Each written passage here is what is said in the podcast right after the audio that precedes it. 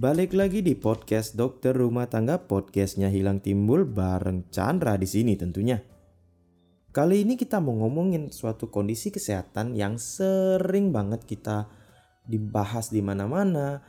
Banyak rubrik yang membahas bagaimana cara pencegahan, bagaimana cara mengobati. Tapi sampai sekarang kenyataannya susah banget untuk mencegah dan mengobati penyakit ini. Nah, sekarang kita mau bahas yang namanya kencing manis atau diabetes mellitus. Tahu nggak sih apa sih diabetes atau yang lebih sering kita sebut dengan kencing manis? Diabetes itu adalah kelompok penyakit metabolik dengan kadar gula darah yang tinggi yang disebabkan oleh tidak mampunya organ tubuh kita yang namanya pankreas untuk mensekresikan atau memproduksi hormon insulin. Nah, hormon insulin ini memiliki peran untuk mengubah glukosa menjadi energi atau untuk menyimpan dalam bentuk lain seperti contohnya lemak. Nah, gula yang tidak di metabolisme oleh insulin ini akan terakumulasi di dalam pembuluh darah kita di mana nanti apabila sudah banyak ada gula di dalam pembuluh darah kita akan menyebabkan gangguan-gangguan kesehatan lainnya akan muncul. Untuk selanjutnya diabetes mellitus saya singkat jadi DM ya. Nah, kemudian apa risiko seseorang menderita DM? Risiko orang menderita DM ada yang bisa diubah dan ada yang tidak bisa diubah. Contoh faktor risiko seseorang bisa menderita DM yang tidak bisa diubah antara lain yang pertama riwayat keluarga. Contoh, kalau dalam keluarga ayah atau ibu atau kakek menderita DM atau neneknya juga, otomatis anak cucunya juga berisiko menderita DM. Kemudian, eh, jika ayah atau jika ayah dan ibu keduanya menderita DM, maka risiko an seluruh anaknya itu sangat tinggi untuk menderita DM juga. Kalau misalnya salah satu ayah atau ibu yang menderita DM atau kakek atau neneknya menderita DM, maka probability uh, atau kemungkinan uh, jumlah setengah dari jumlah anak-anaknya akan menderita DM juga. Ini tapi ini hanya berbasis statistik, tidak uh, harus menjadi patokan utama. Bisa saja tidak ada yang menderita DM sama sekali jika mengaplikasikan pola gaya hidup sehat yang nanti akan kita bahas. Terus seseorang yang berumur 40 tahun ke atas lebih berisiko menderita DM. Kemudian dari faktor gender juga, eh, wanita lebih sering menderita DM dibandingkan laki-laki. Terus kita ke faktor risiko yang bisa diubah. Faktor risiko yang bisa diubah antara lain pola gaya hidup kita sendiri. Contohnya pola makan kita, terutama orang-orang yang sering makan sering mengandung banyak gula, eh, karbohidrat, namun tidak di istilahnya tidak digunakan atau tidak diolah menjadi energi, ya faktor risiko tinggi menderita DM. Kemudian juga ada yang namanya obesitas atau kegemukan. Yang ketiga ada hipertensi, atau tekanan darah tinggi. Itu merupakan faktor risiko yang bisa kita ubah dengan pola gaya hidup, memperbaiki pola gaya hidup. Nah, terus apa sih gejala-gejala orang yang menderita DM itu? Secara umum, gejala-gejala orang yang menderita DM itu sering merasa haus, sering kencing, sering lemas, sering merasa lapar, tapi e, berat badannya cenderung terus-menerus turun dari waktu ke waktu bukan malahan naik karena walaupun makan banyak tapi berat badan malah turun. Kemudian, kalau penderita DM yang sudah lama biasanya akan mengalami gejala-gejala tambahan seperti pandangan mulai menjadi kabur, eh, kemudian ada rasa nyeri ulu hati yang terus-menerus, kemudian ada ras mati rasa pada eh, tungkai atau kaki, disertai terkadang ada luka yang bahkan tidak disadari pada biasanya kaki e, pasien. Nah, untuk nyeri ulu hati yang tadi itu terkadang akhirnya e, membuat pasien mual muntah, akhirnya nafsu makan menurun. Dan problem lainnya dengan nafsu makan yang menurun itu akan munculan lagi tuh. Nah, terus apa sih yang harus kita lakukan bila kita mengalami kondisi-kondisi yang tadi saya sebut? Nah, pertama-tama sudah pasti apabila kita bukan tenaga medis, lebih baik kita periksakan diri dulu ke dokter untuk mendapat diagnosis pastinya. Tidak berdasarkan dengan cocok, lo cocok logi yang kita dapatkan di Google, di YouTube, dan lain-lain. Kemudian, kalau kita sudah terdiagnosis DM, pertama-tama dokter akan menyarankan untuk mengubah pola hidup kita. Pola hidup yang dimaksud seperti eh, kebiasaan makan, kebiasaan aktivitas fisik. Nah, untuk kebiasaan makan, makan makanan yang dianjurkan adalah makanan yang tentu saja rendah dengan kadar gula. Contoh untuk lauk pauk, contohnya seperti e, ikan, putih telur, ayam tanpa kulit. Kemudian kalau menggoreng atau mengolah daging lemaknya disisihkan. Terus untuk sumber protein lain bisa dengan tempe, tahu, kacang hijau, kacang merah, kacang tanah. Kalau untuk sayur, contohnya kangkung, kembang kol, eh, sawi, selada dan seledri. Eh, ketimun juga bisa. Untuk buah yang dianjurkan contohnya jeruk, apel, pepaya, jambu air. Nah, sekarang untuk makanan-makanan yang harus dibatasi oleh penderita DM. Kuncinya adalah hindari makanan yang memiliki kadar indeks glikemi atau gula yang tinggi. Untuk karbohidrat, contohnya nasi putih. Nasi putih yang baru jadi atau yang baru matang dari Magic Jar itu memiliki indeks glikeminya cukup tinggi ya.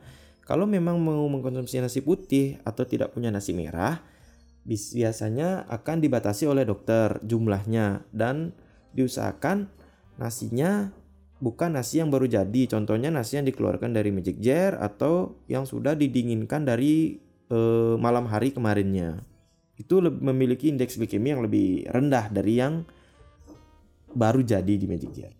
Terus ada uh, kentang, singkong, sagu, jagung, uh, sereal. Kemudian untuk lauknya yang patut dihindari kornet, sosis, otak jeroan, kuning telur, sarden kalengan.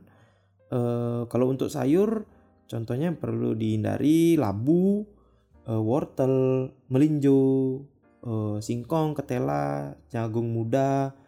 Kalau untuk buah itu seperti mangga, sirsa, duren, nangka, manisan buah juga sebaiknya dihindari. Kalau untuk makanan olahan yang yang cukup disarankan untuk dihindari itu eh, kayak kecap, santan, saus tiram, uh, kemudian ada es krim, kue, cake. Ya kita tahu lah itu gulanya sangat tinggi ya. Madu, dodol, susu kental manis. Oh, kalau minuman, soft drink wajib dihindari. Dan uh, bir juga dihindari ya. Terus kalau sudah memperbaiki pola makan selanjutnya apa? Kita perbaiki pola aktivitas fisik kita. Biasanya kita uh, biasanya dokter akan menyarankan untuk melakukan aktivitas fisik seperti olahraga. Olahraga yang dimaksud itu juga uh, menyesuaikan dengan umur dan kemampuan fisik dari pasien sendiri, oke? Okay? Tapi rata-rata olahraga yang cukup uh, dilakukan pada penderita DM biasanya adalah jogging, Eh, renang, bersepeda, jalan santai selama 30 sampai 60 menit. Perharinya paling sedikit itu empat kali dalam seminggu. Atau kalau memang masih punya gula darah yang tinggi, eh, disarankan durasinya lebih lama lagi ya, seperti dua setengah jam per per minggu totalnya dua setengah jam. Oke. Nah, Next apa nih kalau udah mengubah pola mengubah pola gaya hidup, uh, mengubah pola makan, mengubah pola aktivitas fisik, tapi kenapa gula darah masih tinggi? Nah, langkah selanjutnya adalah dengan penggunaan obat-obatan. Penggunaan obat-obatan yang direkomendasikan pada awal biasanya adalah obat e, minum atau obat pil. Jadi, kombinasi perubahan pola gaya hidup yang lebih sehat dan penggunaan obat, kita harapkan gula darah menjadi terkontrol. Oke.